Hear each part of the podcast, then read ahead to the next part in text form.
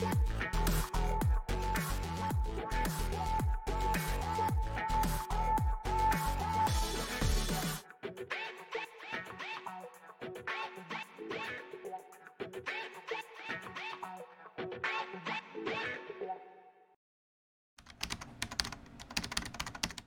Cześć, witajcie w kolejnym odcinku naszego podcastu IT na fali. Dzisiaj moim i waszym gościem jest Łukasz Grzybowski, Head y, działu Machine Learning and Data Engineering w STX Next. Cześć Łukaszu. Cześć Michał, cześć wszyscy. Słuchaj, zacznijmy od tego, żeby się przedstawić. Także powiedz kilka słów o sobie. Tak, więc jak już powiedziałeś, kieruję zespołem y, Machine Learningu i Data Engineeringu w STX Next. Y, mam ponad 9 lat doświadczenia w ogólnie pojętym e, obszarze data e, na przestrzeni ty, e, tych lat miałem okazję pracować w takich branżach jak ubezpieczenia, bankowość, e-commerce, ogłoszeniówka.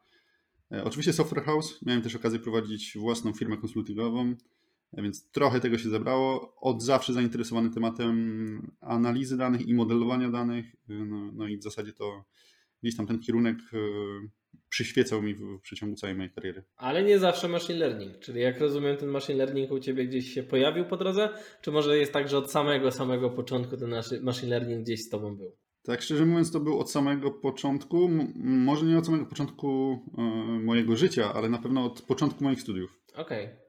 Czyli wbrew temu, co wielu z naszych e, słuchaczy i naszych widzów myśli, machine learning może nie jest wcale tematem aż tak nowym, jakby się wydawało. Sam, sama teoria, y, która stoi y, gdzieś tam z tyłu machine learningu, no to y, sięga lat gdzieś tam 80. albo i wcześniej, więc koncepty były znane na pewno dużo, dużo, dużo wcześniej i wymyślane podstawy. Jeżeli chodzi o zastosowanie, to ostatnie lata to zdecydowanie najpopularniejszy okres, powiedział, w ramach tego obszaru. Ja myślę, że powiedzmy też e, o tym, o, jakby dajmy znać naszym słuchaczom, o czym dzisiaj będziemy rozmawiać, bo porozmawiamy oczywiście o machine learningu samym w sobie, czyli o podstawach, o krótkiej historii, e, o tym, co jest nam potrzebne, żeby zacząć naszą przygodę, ale te, także jak się rozwijać w tym machine learningu i co. I chyba spróbujemy też podyskutować może o kilku kontrowersyjnych tezach e, i może gdzieś tam podzielimy się naszymi doświadczeniami w związku z y, tą tematyką. Co ty na to? Jasne, brzmi jak plan. Dobra, to zaczynajmy. No to słuchaj, tak naprawdę za, za, zacząłeś już dobrym wstępem, czyli yy, o początkach, początku machine learningu gdzieś tam w latach 80., czy, czy rozkwicie teraz. Yy, to może zacznijmy od tego, żeby zadać sobie pytanie w sumie dlaczego, dla kogo jest ten machine learning, po co jest machine learning i o co tak naprawdę w tym chodzi. Machine learning jest taką, takim obszarem, który czerpie z bardzo wielu, e, bardzo wielu nauk, bardzo wielu innych dziedzin. Na pewno jest oczywiście tam elementy matematyki, statystyki, e, ekonometryki, algorytmiki, e, więc bardzo, bardzo dużo obszarów i ciężko podać tam jedną konkretną datę, kiedy tak naprawdę ten machine learning się pojawił. Dużo ciężkich nazw związanych z przedmiotami ścisłymi szczęśliwie. Tak, tak. No jeżeli ktoś nie jest ścisłowcem, to niestety ta rozmowa może być trochę ciężka do przyswojenia, ale mam nadzieję, że będzie interesująca mimo wszystko. E, dla takich osób również oczywiście. Więc tutaj powiedziałem, rzuciłem te lata 80. Oczywiście pewne teorie były nawet wcześniej. Zimna wojna, czy, czy druga wojna światowa, czy, czy pewnie nawet przed drugą wojną światową. W ogólności machine learning tak naprawdę to, e, czy jak mówimy o uczeniu maszyn, tak naprawdę chcielibyśmy zbudować maszynę, która potrafiłaby myśleć jak, jak my, jak ludzie, potrafiłaby abstrakcyjnie myśleć i, i wyciągać wnioski. No i wiadomo, że to jest taki cel, do którego gdzieś tam zmierzamy od wielu, wielu lat i, i dalej myślę, że jesteśmy jeszcze może nawet nie w połowie drogi. No ale na pewno aktualny stan wiedzy i techniki jest na pewno interesujący i można zaaplikować te, te metody, które w tej chwili są znane w, w wielu dziedzinach, ale tak naprawdę machine learning zaczyna się wtedy, kiedy nie jesteś w stanie wypisać skończonej liczby ifów, e, żeby zaadresować twój problem. Tak, tak pół serio, pół żartem bym, bym nazwał machine learning. Mhm, Okej, okay. to co on nam daje tak naprawdę? Tak naprawdę on daje nam predykcję e, rzeczy, mm, którą chcemy otrzymać. Czyli jeżeli mm, chcieli. Mm, machine learning w ogóle obraca sposób, w jaki podchodzimy do rozwiązywania problemów w programowaniu. E, w programowaniu mamy problem, e, wymyślamy jak go rozwiązać i to implementujemy. W machine learningu mamy dane, określamy, co te dane opisują, dajemy te dane do modelu i ten model z tych danych uczy się, yy, jak, jakie wnioski czy jakie wyniki ma nam dawać. I tak naprawdę na, na podstawie w ten sposób nauczony model yy, w przypadku nowych danych robi to, czego się nauczył. Trochę lepiej bądź trochę gorzej. Mhm, Okej, okay, stąd tak, słynny, słynny learning w nazwie. Okej, okay. powiedzmy jestem programistą albo chcę być programistą, piszę już jakiś kod, nie wiem, jestem Pythonowcem, no bo Python się bardzo lubi z machine learningiem, jak, jak e, często wiemy. Mam często jakieś wyzwanie, muszę napisać jakąś aplikację, muszę napisać web portal albo coś takiego, czyli mam jakiś, jakiś problem, który próbuję rozwiązać kodowaniem. E, jak mogę stąd, jakby gdzie, gdzie jest ten punkt styku, gdzie mi ten machine learning może w czymś takim pomóc? Hmm, no tak naprawdę myślę, że e, kiedy trafiamy na pewien problem, że mamy określić pewną, pewną klasę. Nie wiem, na przykład mamy określić, czy dana osoba, e, czy płeć danej osoby to mężczyzna, czy kobieta. Albo jeżeli musimy na końcu, e, tak powiem, wypluć jakiś wynik, na przykład liczbowy, w sensie przewidzieć, ile będzie, jaki będzie stan magazynowy na koniec miesiąca, albo chcemy przewidzieć, e, jaki będzie kurs z waluty, albo kurs jakiegoś papieru wartościowego za jakiś czas. Jeżeli chcemy y, automatycznie decydować, co jest na zdjęciu, albo jeżeli chcemy, nie wiem, adnotować automatycznie y, jakieś rzeczy z wideo, albo jeżeli chcemy automatycznie generować na przykład y, tekst na podstawie wideo. Okej, okay. czyli to jest takie przewidywanie, daje nam to jakby możliwość przewidywania, prognozowania tak naprawdę pewnych rzeczy, które gdzieś tam nam będą potrzebne, tak? które się mogą zdarzyć, które mogą być powiązane z naszym, projekt, y, naszym problemem, który my próbujemy, że tak powiem, rozwiązać w trakcie kodowania, czy w trakcie no, jakby pisania tego, tego, co musimy dostarczyć. W ogólności tak można byłoby powiedzieć, ale jeżeli sobie popatrzymy na problem na przykład y, mm, zamiany mowy na tekst, no to czy to jest przewidywanie? Pewnie, pewnie nie użyłbym takiego słowa, e, a też tu wykorzystuje się machine learning. Jeżeli chodzi o techniki na przykład takie jak wyciąganie tekstu ze zdjęć, to też używamy technik uczenia maszynowego. No i też to nie jest przewidywanie do końca, tak? No właśnie, czyli poza tymi rzeczami, o których mówiliśmy, czyli uzupełniania danych, przewidywania danych, robienia prognozowania, machine learning, czyli te systemy uczące się pozwalają nam też y, podbudować trochę to, na czym pracujemy i nie wiem, dostarczyć bardziej dokładnych danych. Nie? Albo operować na bardziej dokładnych danych, albo takich, które nam się wydają, że gdzieś tam się ziszczą. Może to nie jest jasna, dekla- y, jasna deklaracja czy definicja, ale powiedziałbym, że, że machine learning, y, możemy zaczynać myśleć o machine learningu wtedy, kiedy nie wiemy, czy coś jesteśmy w stanie zrobić w inny, tradycyjny sposób, implementując zwykłą logikę, tak jak to się mówi, logikę biznesową. Tak?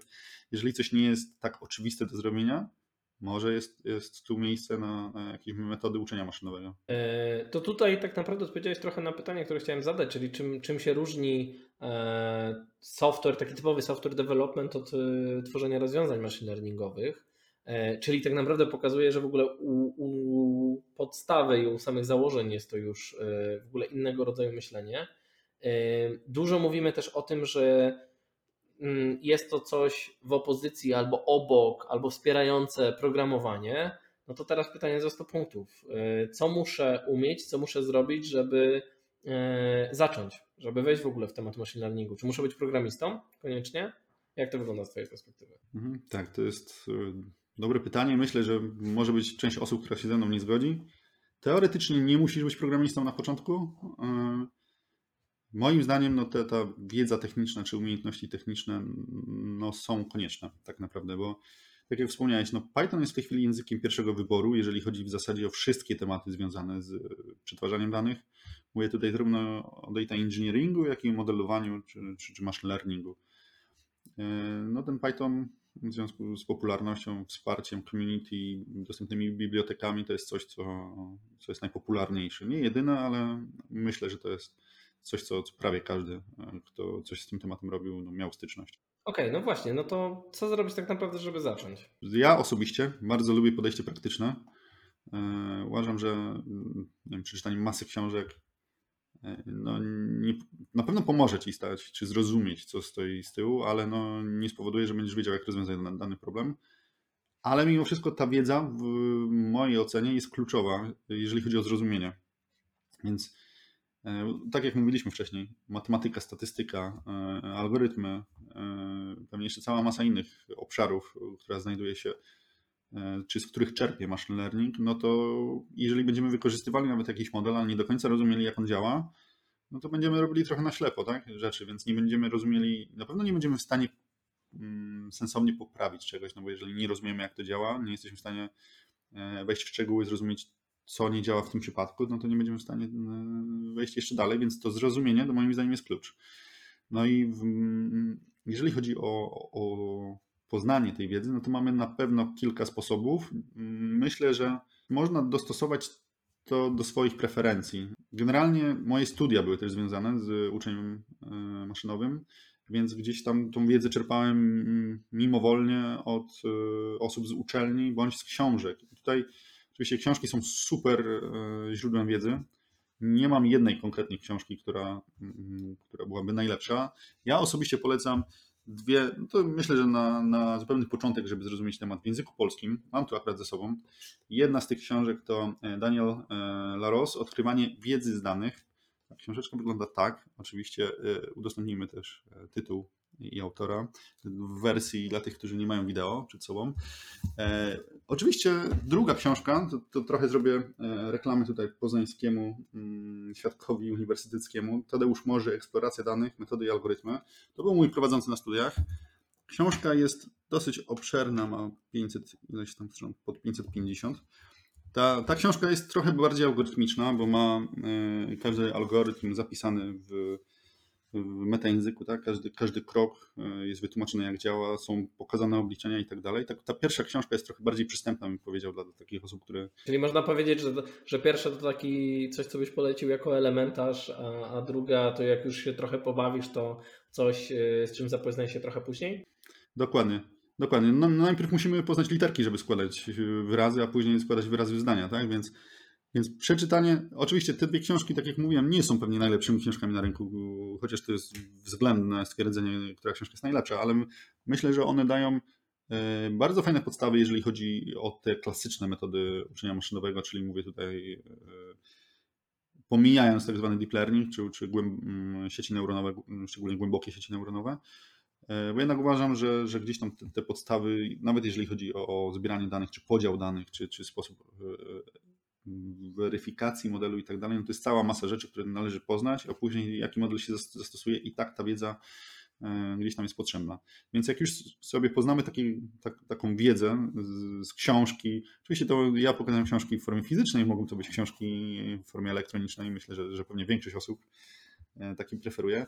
Ja jednak lubię poczuć papier w ręku. To jest w ogóle, wiesz, temat na oddzielny e, spotkanie i debatę odwieczną pod tytułem OK, wolę używać e, czytnika e-booków czy książki papierowej, więc definitywnie, ale, ale tak. Rozumiem, że to są takie pozycje, które według Ciebie no fajnie jest gdzieś tam na pewno ograć po drodze, powiedzmy, jeżeli, jeżeli chcesz się tym tematem zajmować bardziej na poważnie. Tak, tak. No myślę, że w pewnym momencie większość osób stwierdza, że posiadanie przynajmniej jednej albo dwóch takich książek w jakiejkolwiek wersji jest takim fajnym źródłem usystematyzowania nawet wiedzy, którą się już posiada gdzieś tam i, i, pokazania, jak to się wszystko składa. A potem jeszcze fajnie wygląda wiesz, w tle w bibliotece te sprawy. To zdecydowanie też jest taki plus. Ale wiesz co, powiedz mi, bo też jak Ciebie słucham, jak właśnie mówisz o tych książkach, mówisz też trochę o uczelni, myślę, że gdzieś tam przejdziemy też do tematu rozwijania wiedzy, właśnie na, na ile fajnie też jakby poznać akademickie podejście do, do zagadnienia. E, przewija się też temat zrozumienia trochę algorytmów, trochę zrozumienia tego, co stoi u podstaw. E, no mówiliśmy właśnie o, o tym, czy musisz, czy musisz być programistą. Twoje zalecenie jest tak, fajnie by było, żebyś był. Ale wiemy, że też teraz takie języki, no jak Python, język skryptowy, e, bardzo często pozwala wejść w programowanie, czyli możesz być programistą, nie do końca, nie wiem, będąc algorytmikiem. Mm, wiem, że jest to oczywiście herezja wobec e, wielu osób, które, z którymi nawet współpracujemy. Wielu deweloperów uważa, że dopiero true deweloperem to jesteś jak, jak znasz e, algorytmy i masz podstawy matematyczne i wiesz na czym mm, się to opiera. No ale rzeczywistość jest jaka jest. Bardzo często mamy też osoby, które gdzieś tam się przebranżowiły, gdzieś tam tych podstaw jeszcze nie mają, są junior deweloperami. Czy takim osobom dobrze rozumiem, żebyś doradził, że zanim wejdziecie w temat machine learningu, poza oczywiście częścią praktyczną, żeby zrozumieć podstawy, dobrze jest jednak podejść do tematu algorytmiki, do tematu właśnie jakichś tam systemów matematycznych i tak dalej? Czy to jest jednak takie coś, co ci pozwala dalej zrozumieć?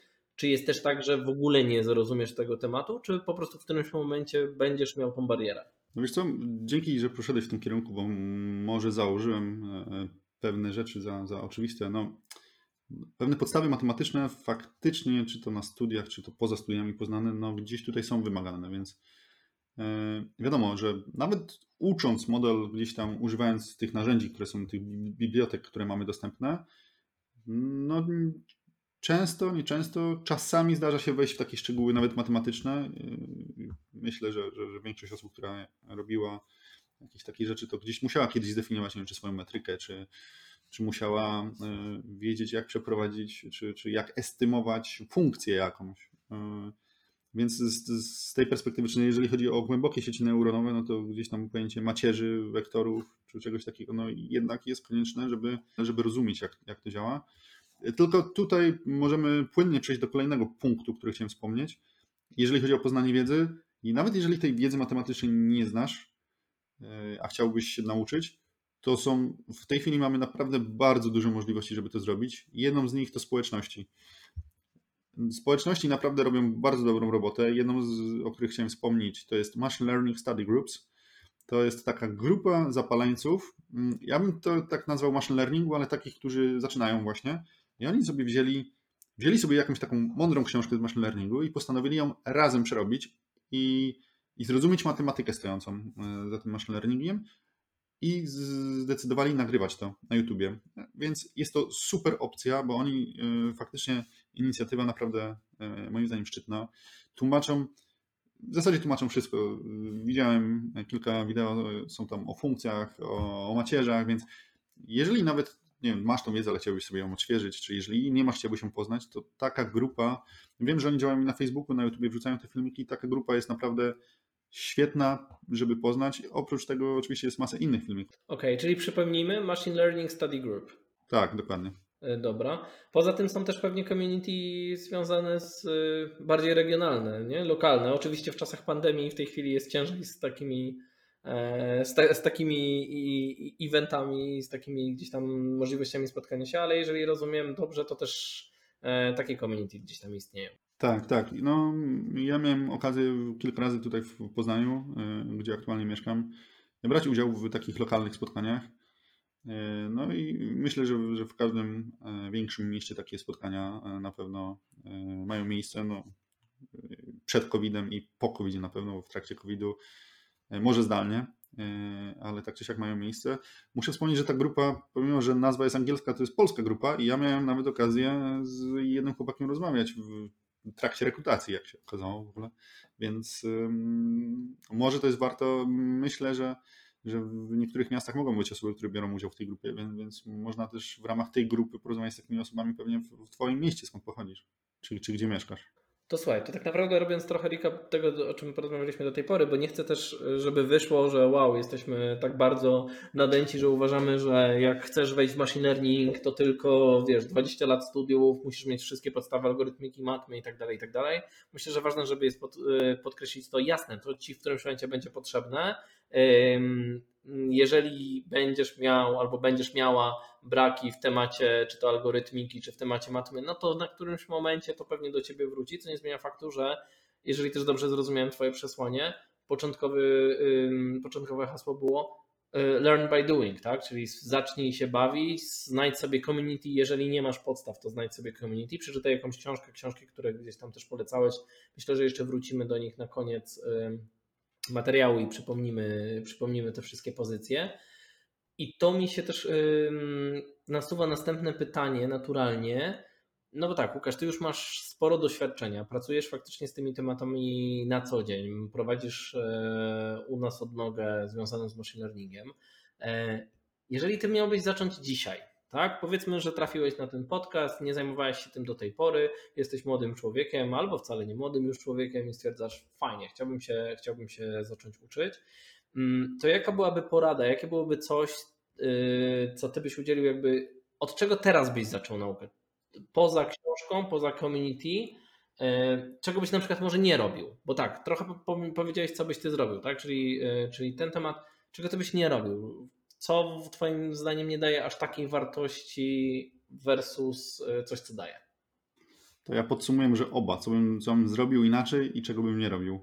Oczywiście ze swojej perspektywy mm, to może być niemożliwe do odniesienia z perspektywy słuchacza, ale to, co bym zrobił, bo ja zacząłem swoją historię z, nie z Pythonem, z Javą, później z R-em e, i później dopiero gdzieś ten Python się pojawiał, to bym zaczął zdecydowanie szybciej z Pythonem. To, to, I to nie jest z perspektywy tego, gdzie teraz pracuję, po prostu faktycznie zacząłbym wcześniej z Pythonem e, i to jest pierwsze.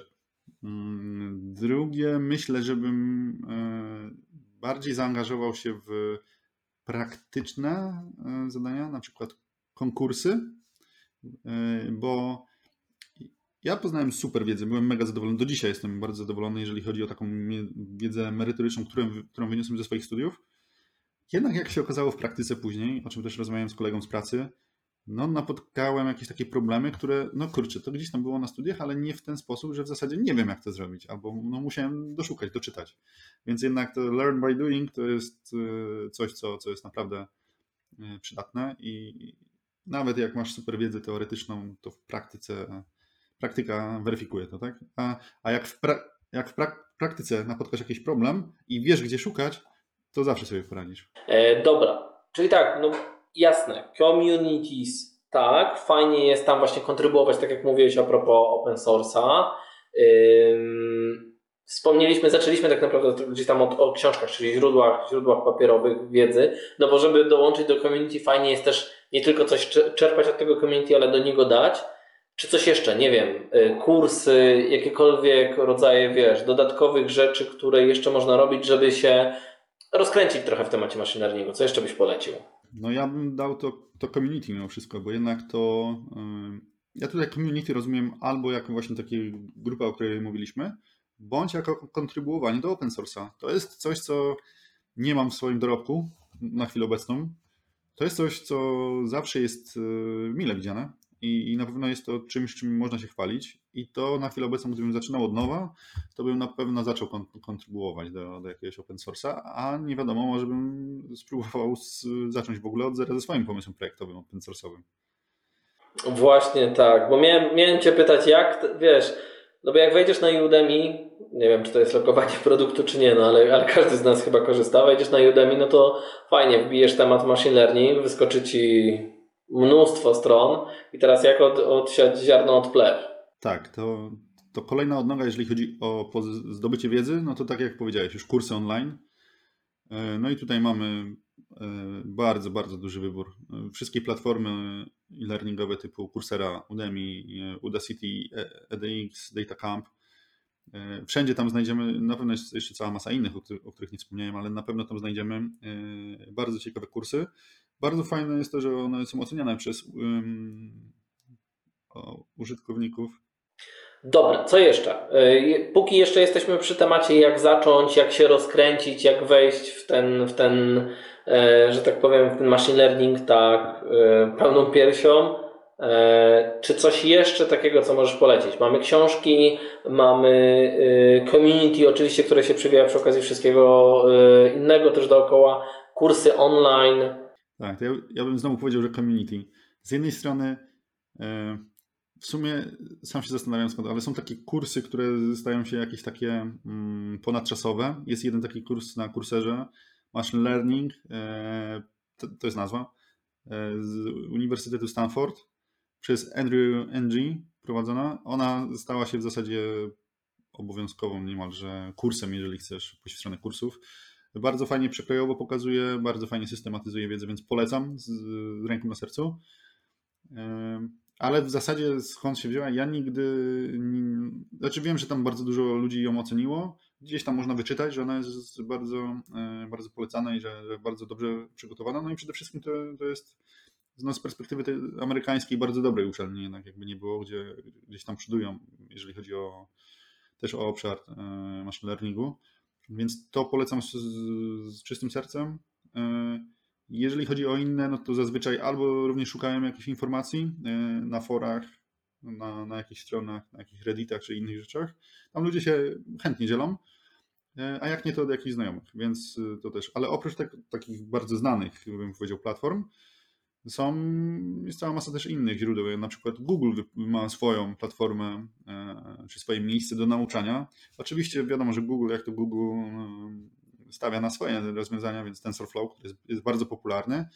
Jednak te materiały, jak przeglądałem, wyglądały naprawdę bardzo, bardzo ciekawie, więc e, AI Google Education e, no, wyglądało naprawdę zachęcająco i w 100% darmowe, e, więc jeśli można skorzystać i, i nauczyć się czegoś, czemu nie.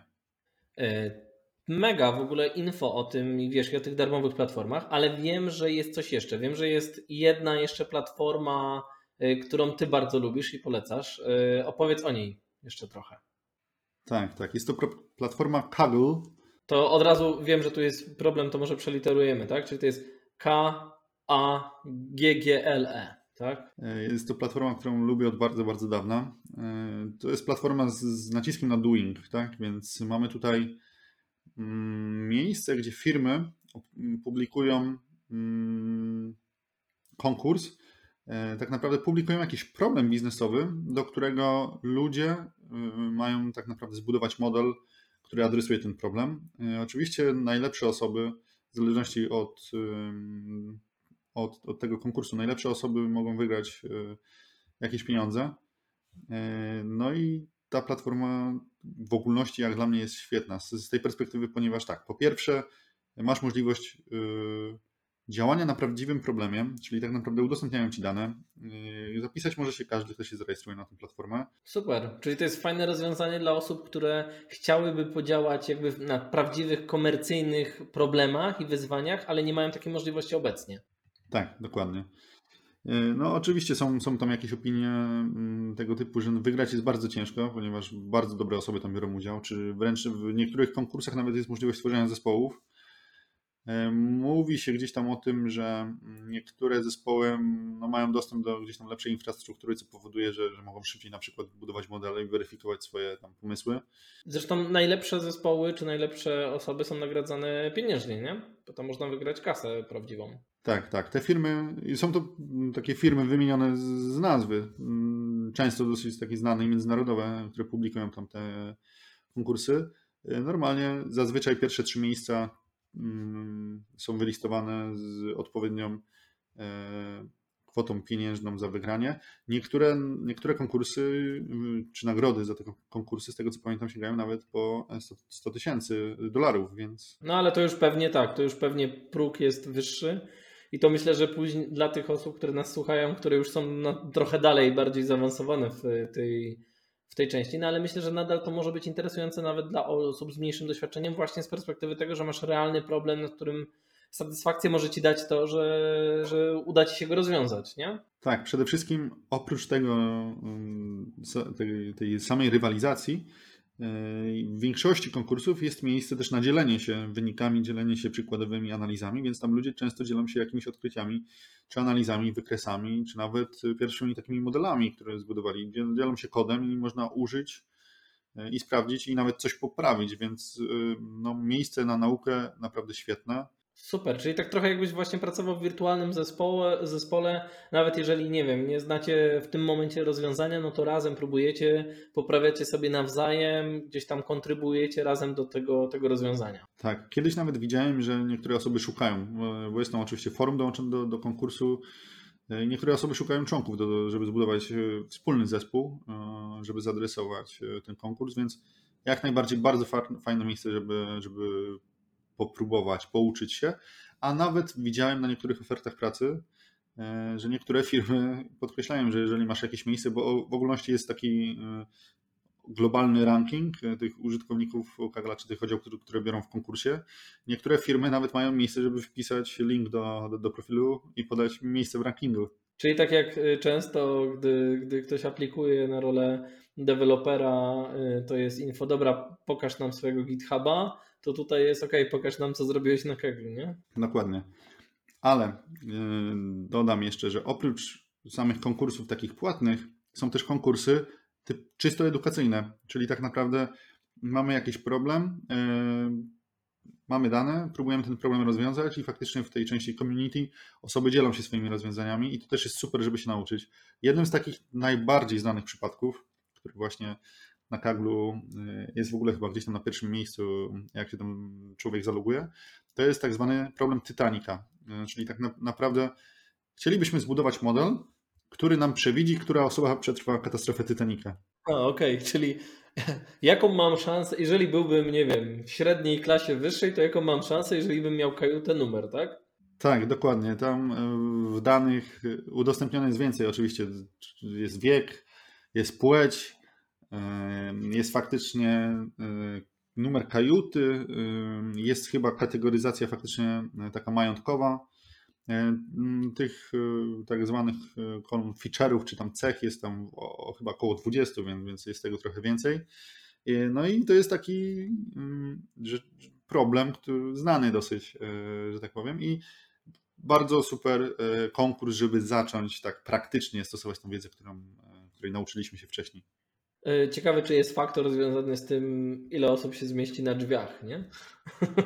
Wiesz, na koniec, jak już, jak już się skończą szalupy. Ale kurczę, to brzmi naprawdę mega fajnie, bo to jest zarówno właśnie tak jak powiedziałeś, to jest w ogóle i połączenie community i doing by, by e, tak learning by doing e, i daje nam tak naprawdę gdzieś tam te, te podstawy teoretycznie na pewno też pod to. Wow, super. E, czyli powtórzmy jeszcze raz, platforma nazywa się Kaggle, e, K-A-G-G-L-E.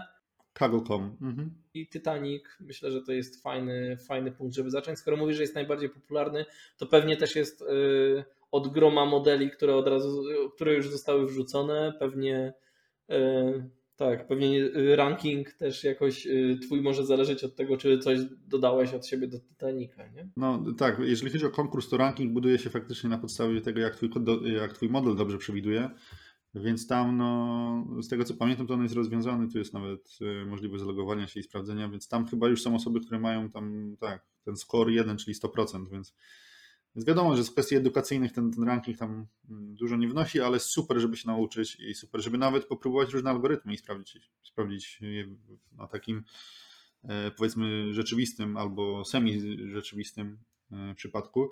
Może jedną rzecz, o której chyba nie wspomniałem, to jest Kaggle, nawet w przypadku tych, e, nazwijmy to, komercyjnych konkursów, ma jedną małą różnicę do takiego podejścia typowo mm, biznesowego czy czy życiowego, że tak powiem. Na Kaglu wszyscy uczestnicy biją się o najmniejszą poprawę, nawet po piątym, na piątym miejscu po przecinku, jeżeli jest poprawa, no to lądujesz wyżej w, w generalnym rankingu, tak?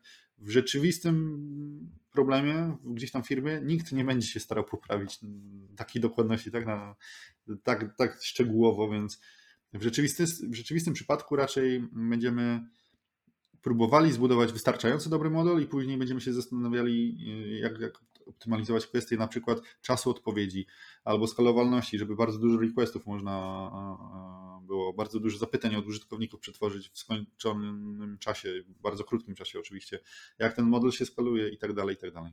E, przepraszam, że Ci przerwałem, ale to się automatycznie wiąże z tym, co, co miałem Cię pytać dalej, czyli ok, mamy ten aspekt, yy, wiesz, edukacyjny, ale właśnie jak to się ma potem do tej rzeczywistości. No tutaj jest y, miejsce, w którym się możesz też podzielić swoimi doświadczeniami już z pracy e, nad projektami komercyjnymi, nad projektami, z którymi my współpracujemy z klientami. Czyli jedna rzecz, którą powiedziałeś, tak? Nikt się nie bije o ułamki sekund, ułamki procentów i tak dalej. E, szukamy tego, co jesteśmy w stanie zrobić jakby w sensownym czasie, w sensownym, jakby skończonym nakładzie sił, a potem ewentualnie robimy, nie wiem czy ja to dobrze nazywam, refaktor, jak przy kodowaniu, Właśnie jak to potem wygląda w, tych, tych, e, w tej pracy już takiej zawodowej, komercyjnej z klientem w projektach ML-owych? ML jest dosyć specyficznym aspektem wytworzenia oprogramowania. Różni się od takiego typowego software developmentu, jeżeli w ogóle możemy coś nazwać typowym software developmentem. E, no ale no, różni się od sposobem czy, czy, podejściem w ogóle do, do tworzenia tego, co, co chcemy e, na końcu otrzymać, niż nie wiem, web development, backend development czy, czy jakikolwiek inny development.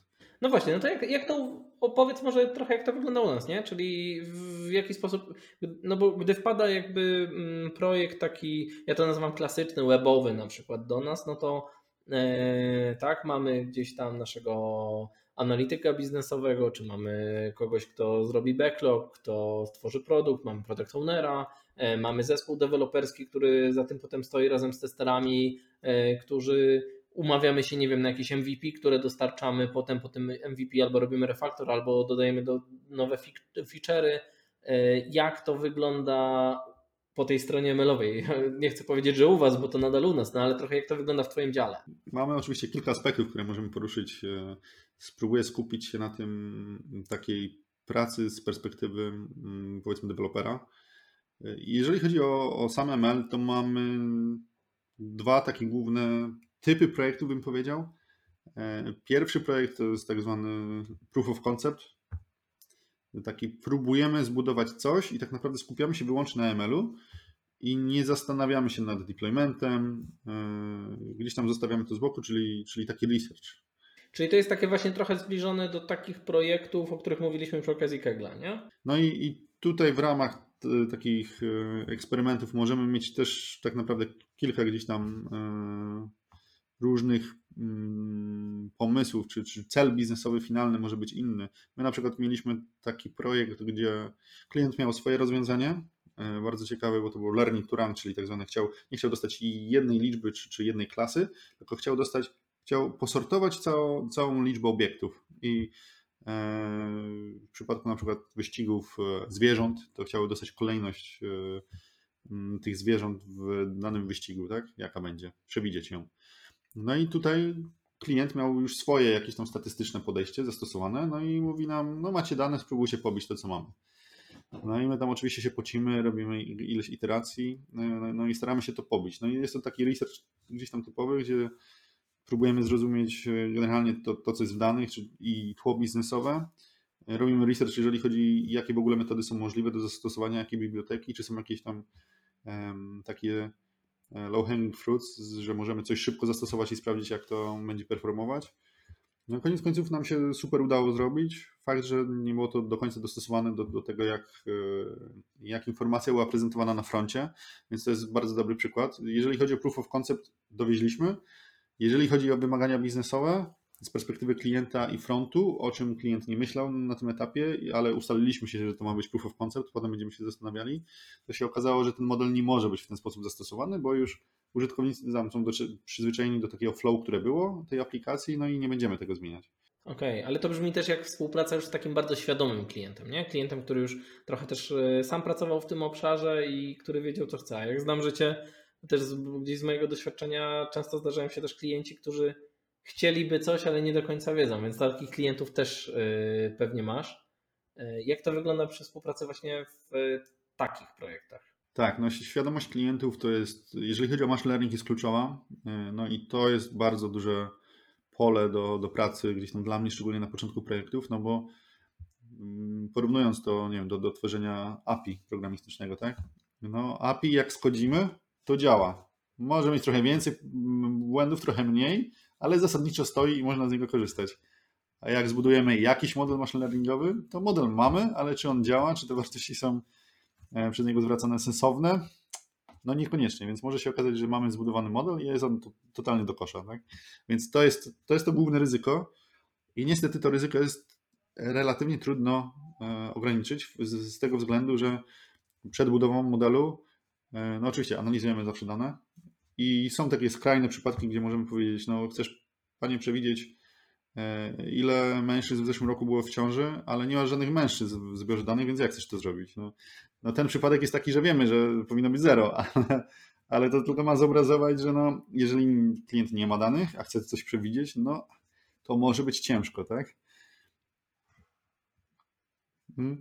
I, no i, i, faktycznie czasami to jest, jeżeli to jest zupełnie nowa domena dla klienta, to po naszej stronie jest to, żeby to wytłumaczyć, wyjaśnić, pomóc zrozumieć. Często też e, przygotować system na przykład na zebranie tych danych, więc to jest miejsce dla, dla takiej osoby, która już ma trochę doświadczenia w komercyjnych projektach, po to, żeby też już wejść, e, wytłumaczyć zespołowi, ustalić kolejne kroki i tak dalej. E, no ale tu mamy takiego klienta, który został wy, wyedukowany.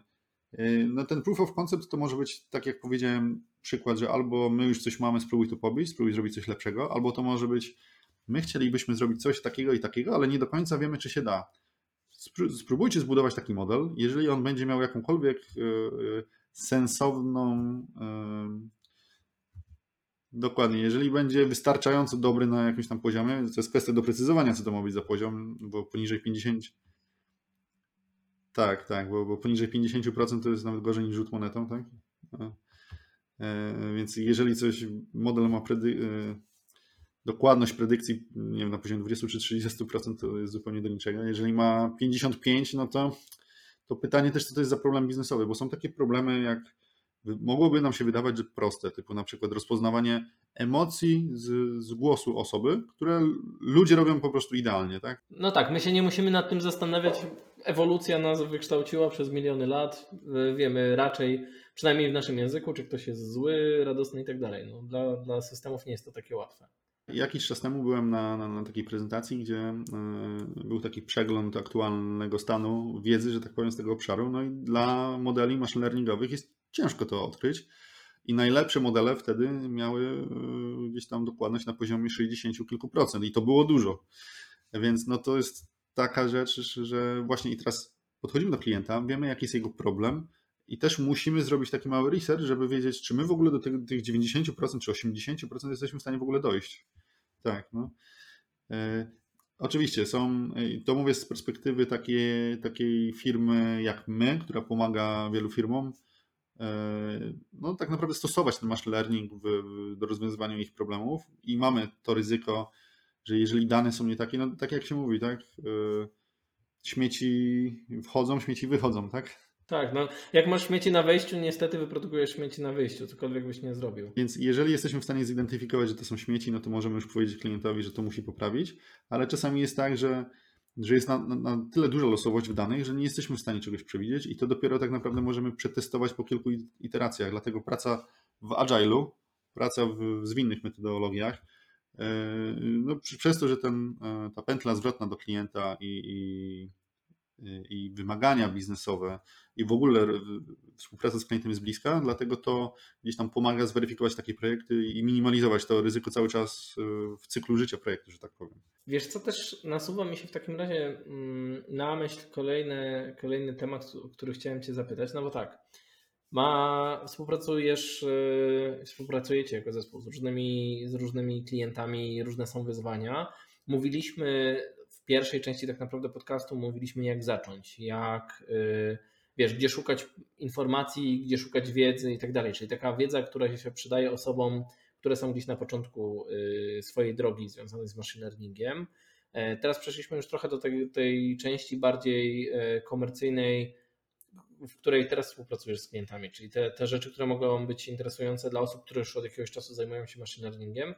E, I pytanie, które też naturalnie mi by się rodziło w głowie, gdybym szukał swojego rozwoju i chęci mm, pójścia dalej w tych dziedzinach, czy przy tym takim, no nie wiem jak to nazwać, bardziej zaawansowanym machine learningu, gdy już pracujemy z tym realnym klientem, o którym wspomniałeś, właśnie gdy, gdy walczymy z takimi modelami typu właśnie z głosem, czy nie wiem, systemami trafikowymi jakimiś tam na całym świecie, czy tutaj są, nie wiem, jakieś ścieżki rozwoju, jakieś specjalizacje, jakieś takie rzeczy, którymi możemy wesprzeć osoby, które zaczęły y, mm, się bawić modelami, są już na tym etapie takim, no nie wiem, powiedzmy regular developera i chciałyby pójść dalej?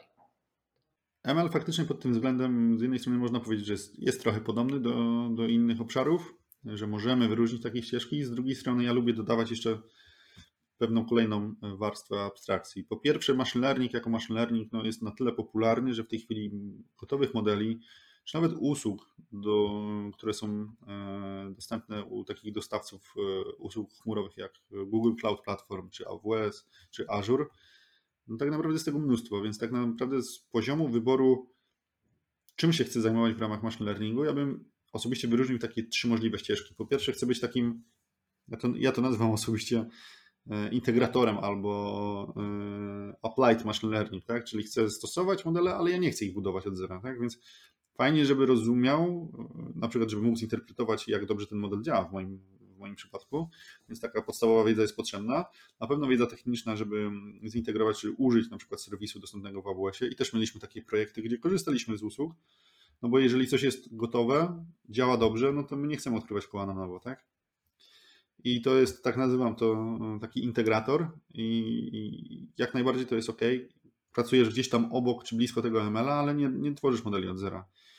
Kolejna możliwa ścieżka to taki MLOps. To jest taka osoba, która z jednej strony może też budować te modele, czyli to jest trochę bardziej zaawansowana, jeżeli chodzi o wiedzę taką teoretyczną, ale jest bardzo często takim miksem kompetencyjnym pomiędzy machine learningiem, pomiędzy data engineeringiem i między DevOpsem, bo jest to osoba, która zwykle automatyzuje całą ścieżkę.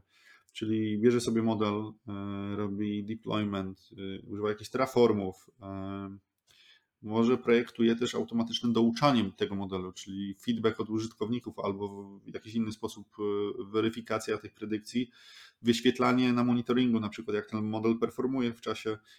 Jeżeli dane się już zbiorą, to, mm, no to decyduje, czy odpalić kolejny proces uczenia modelu, czy nie, i tak dalej, i tak dalej. Mhm.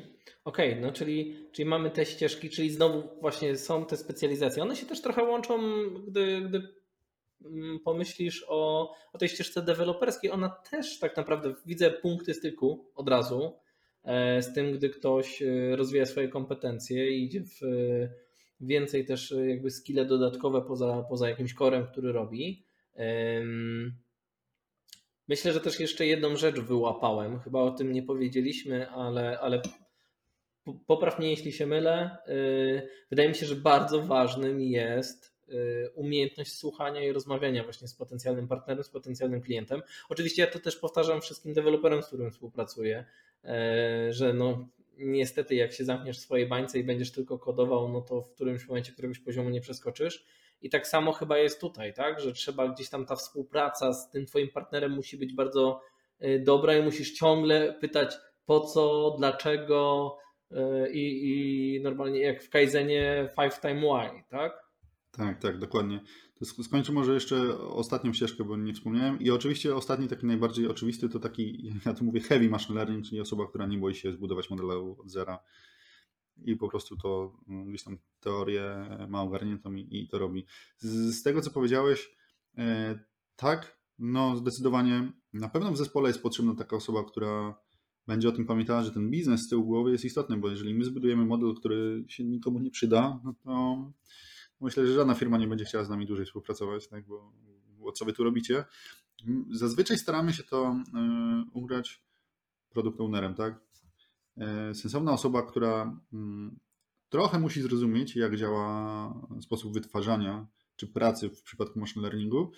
Z drugiej strony też będzie tak naprawdę na cały zespół nakładała takie trochę limity niestety, e, czy, czy ograniczenia. E, czyli wracamy jeszcze raz, czyli zapytałem Cię, czy tutaj tak jak przy software developmentie normalnym, czy są ścieżki jakieś, czy są specjalizacje, wiesz, czy jest jakaś droga, którą może osoba zrobić taka bardziej zaawansowana, która chce, wiesz, która chce pójść w tą ścieżkę.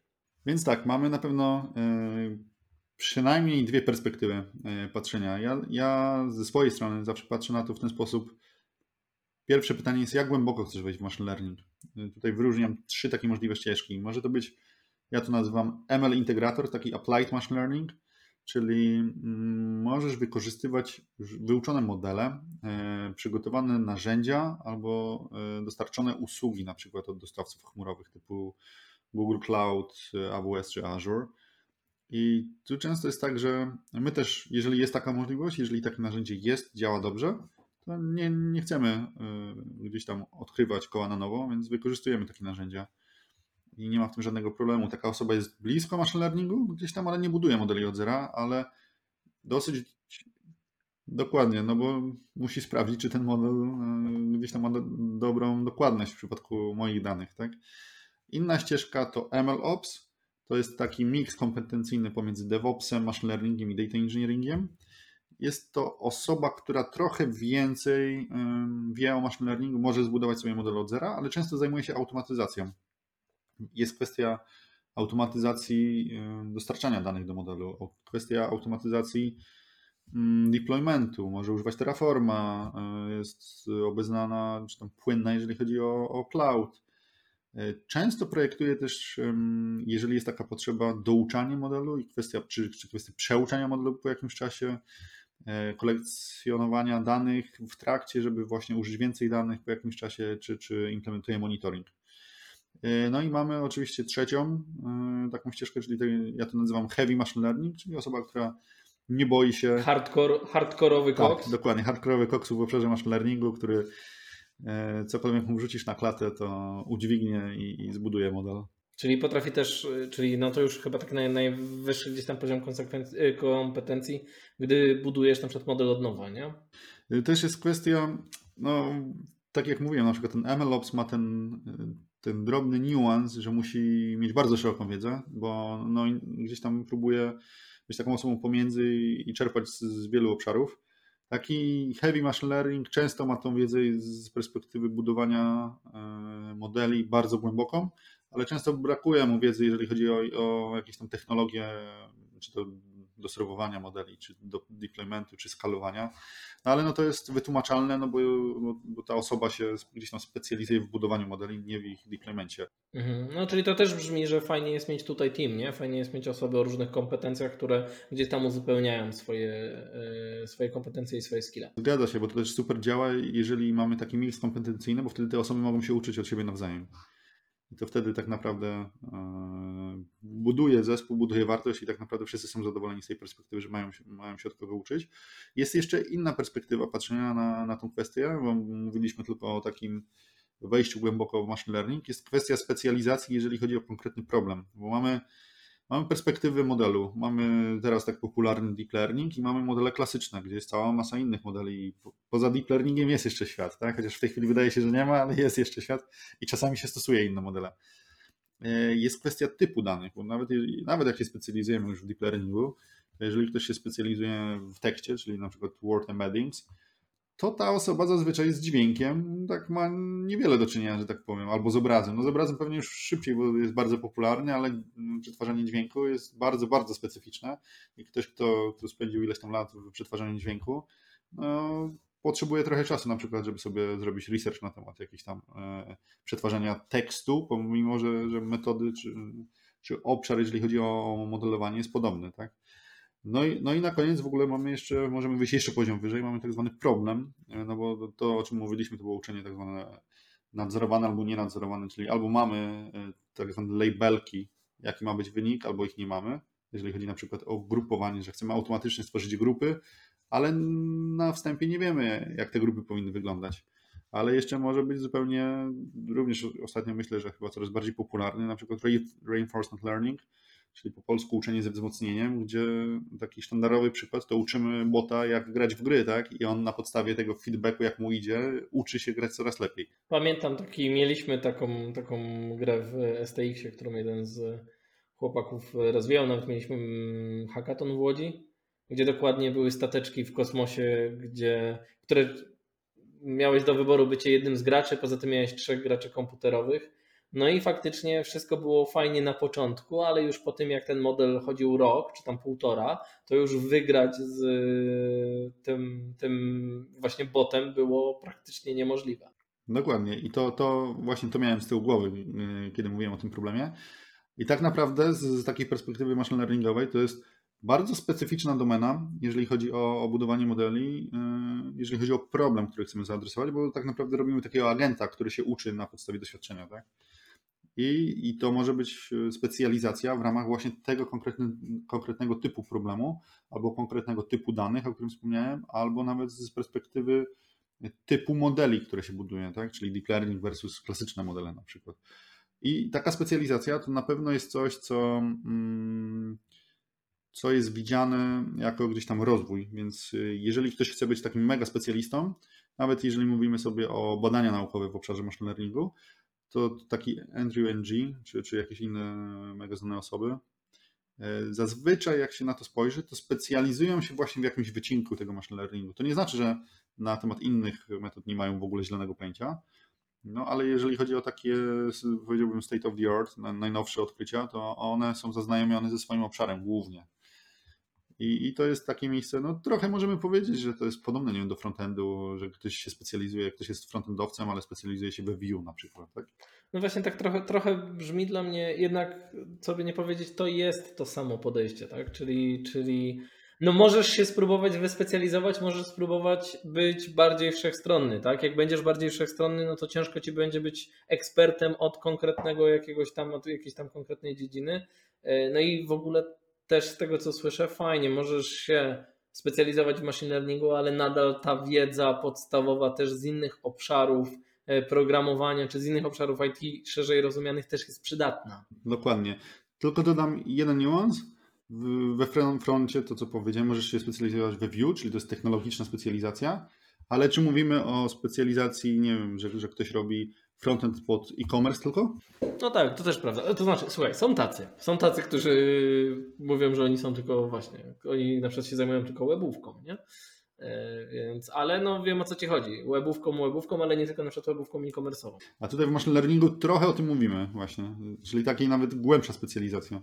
No tak, ja sam pamiętam, jak miałem do czynienia w czasie konferencji fintechowej, gdzie byłem, tak? I był machine learning pod fintech, machine learning pod fintech. No ale prawda jest taka, że te modele można też wykorzystać do czegoś innego. Część tak, ale faktycznie niektóre zastosowania są specyficzne pod, pod dane zastosowanie, więc to jest trochę taki wyróżnik, jeżeli chodzi o machine learning i specjalizację. No czyli też wracając jakby do mojego pytania, tak? No bo pytanie było podyktowane tym, co poradzić osobom, które gdzieś tam dalej idą w rozwoju. No oczywiście poza standardowym znajdź, y, rób to, co lubisz, tak? I, i zajmuj się tym, co ci daje frajdę. No to jednak też zastanów się właśnie, w czym się czujesz dobrze chyba, nie? I, i, i zobacz, jakie te obszary tam są.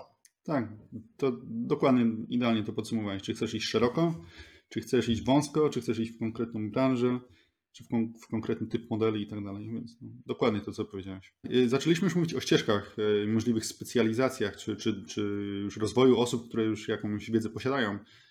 Y, może to jest jeszcze dobre miejsce, żeby wrócić do tego, o czym mówiliśmy wcześniej, czyli o tych projektach, które prowadzimy.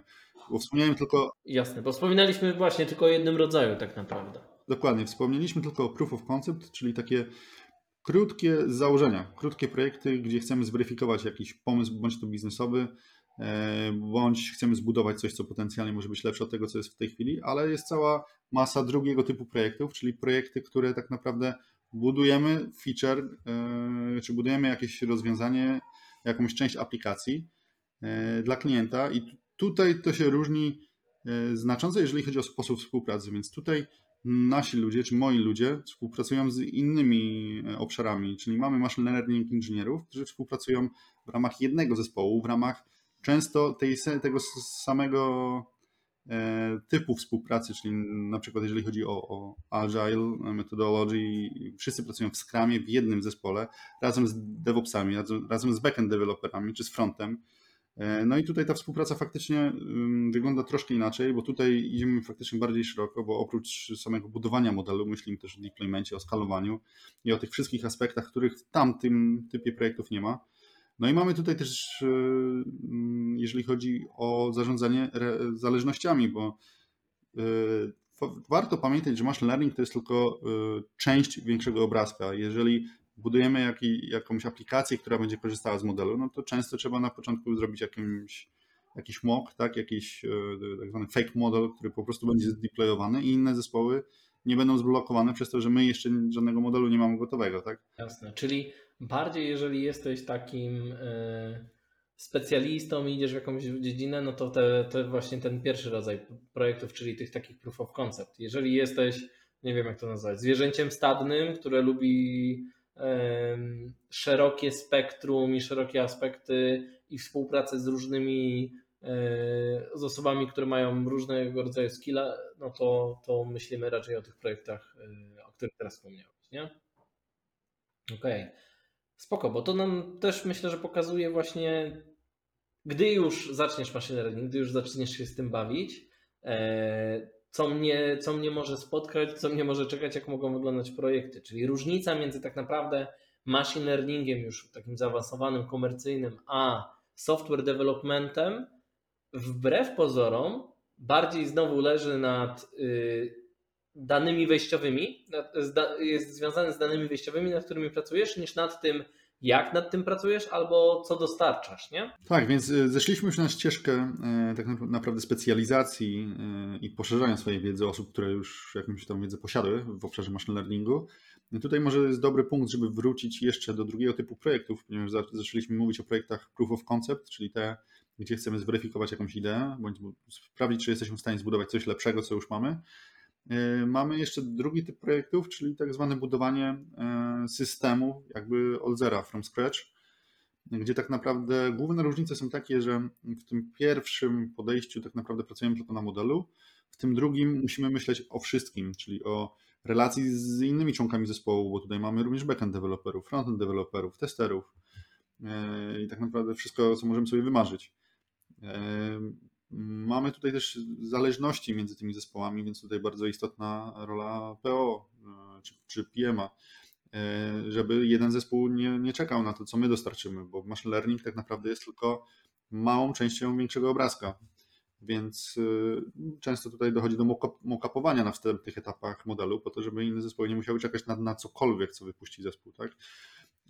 Skalowanie, w ogóle sposób e, deploymentu modelu, więc tutaj potrzebujemy na pewno kogoś z szerszymi e, umiejętnościami, czy, czy szerszą wiedzą ogólnie techniczną, nie tylko machine learning, no ale wiadomo, że tutaj pracujemy z całym zespołem, często w tych samych sprintach e, w ramach Scrama, więc tutaj ta współpraca jest trochę inna. W przypadku tego pierwszego typu projektów możemy używać na przykład Kanbana, co, co zazwyczaj się dzieje, bo bo tam nie ma żadnych relacji, tam pracują w zasadzie pracujemy tylko na, na modelu.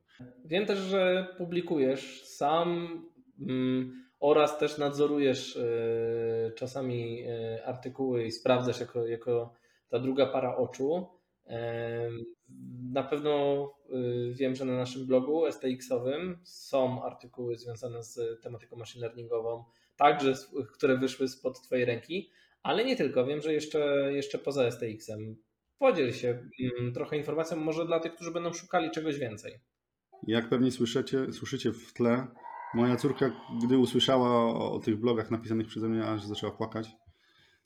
E, że jest ich tak mało, niestety. E, w ogólności tak, zachęcam ludzi, jestem też takim orędownikiem czy ewangelistą w ramach naszej organizacji do pisania artykułów e, na tematy zarówno i data engineeringowe i machine learning. E, publikujemy na naszym blogu oczywiście STX Next. Publikujemy też na zewnętrznych blogach. Udało się ostatnio opublikować e, na KD Nuggets, z czego jestem e, bardzo dumny. Nasz kolega napisał świetny artykuł o Agile w Data Science. Czy to w ogóle jest stosowalne, jak, co, dlaczego i kiedy. Zachęcam do przeczytania. Publikujemy też na, na innych portalach typu Data Science Central, Towards Data Science, i jeszcze na innych. Myślę, że najłatwiej znaleźć e, linki do tych e, blogów śledząc mojego LinkedIna, e, bądź wchodząc pewnie na, na, na, na nasz blog i wszystkie, wszystkie źródła związane z STX Next. Jasne, dodatkowo powiem, że, że podlinkujemy na pewno w opisie tego materiału na YouTubie. Z platformami streamingowymi jest trochę ciężej, ale zapraszamy do tego, żebyście, żebyście odwiedzili zarówno naszą stronę, i blog na naszej stronie, e, tak naprawdę, gdzie, gdzie to info jest, no i, i, i podlinkujemy pod YouTube'a. E, to co? Przechodzimy chyba do małego podsumowania. Jak już stwierdziłeś, córa w tle jest zmęczona. To chyba też czas dla naszych słuchaczy, żeby mogli odsapnąć. Czyli podsumowując dzisiejszą rozmowę, rozmawialiśmy trochę mm, o podstawach, o tym, czym jest machine learning, mm, o tym, jak zacząć swoją przygodę z machine learningiem, e, co rozwinąć na początku, gdzie szukać informacji. Wiem, że wspomnieliśmy tylko o paru pozycjach, ale, ale na pewno jest też więcej książek, które możemy polecić, które też podlinkujemy. Mm, rozmawialiśmy dużo o community. Community się tak naprawdę przewijało przez prawie każdy nasz temat. E, no, oczywiście platforma Kaggle, plus kilka innych e, miejsc, gdzie można znaleźć ciekawe kursy. Mm, podzieliły się z nami tips and tricks, co, czego by może byś już nie zrobił, albo co zrobiłbyś inaczej, gdy się, gdy się uczyłeś ty. E, I, I porozmawialiśmy trochę o specjalizacjach w machine learningu. Mamy info o tym, gdzie szukać blog postów. Czyli co? Można powiedzieć, że temat pier pierwszego podcastu związanego z machine learningiem, czyli któregoś już naszego podcastu e, z rzędu mamy wyczerpany? Pewnie nie, ale chyba na dzisiaj już kończymy, nie? Myślę, że najważniejsze rzeczy poruszyliśmy, a kolejne pewnie będziemy doprecyzować w kolejnych edycjach. Dzięki jeszcze raz za rozmowę, czyli naszym i Państwa gościem, Waszym gościem był e, Łukasz Grzybowski, Head of Machine Learning w STX Next. Dzięki Łukaszu. Dzięki wielkie Michał za obecność, dzięki wielkie za, za wysłuchanie. Super. A ja nazywam się Michał Szydłowski. Dziękuję Wam bardzo za wysłuchanie kolejnego odcinka naszego podcastu IT na fali. Śledźcie nas y, zarówno poprzez y, platformy streamingowe, możecie nas znaleźć na YouTubie, gdzie jest nagranie y, tego materiału także w formie wideo. Y, I zapraszamy także do kontaktu z nami, y, do komentowania. Y, No i stay tuned. Y, Czekajcie na kolejny odcinek. Dzięki wielkie i do zobaczenia. Cześć.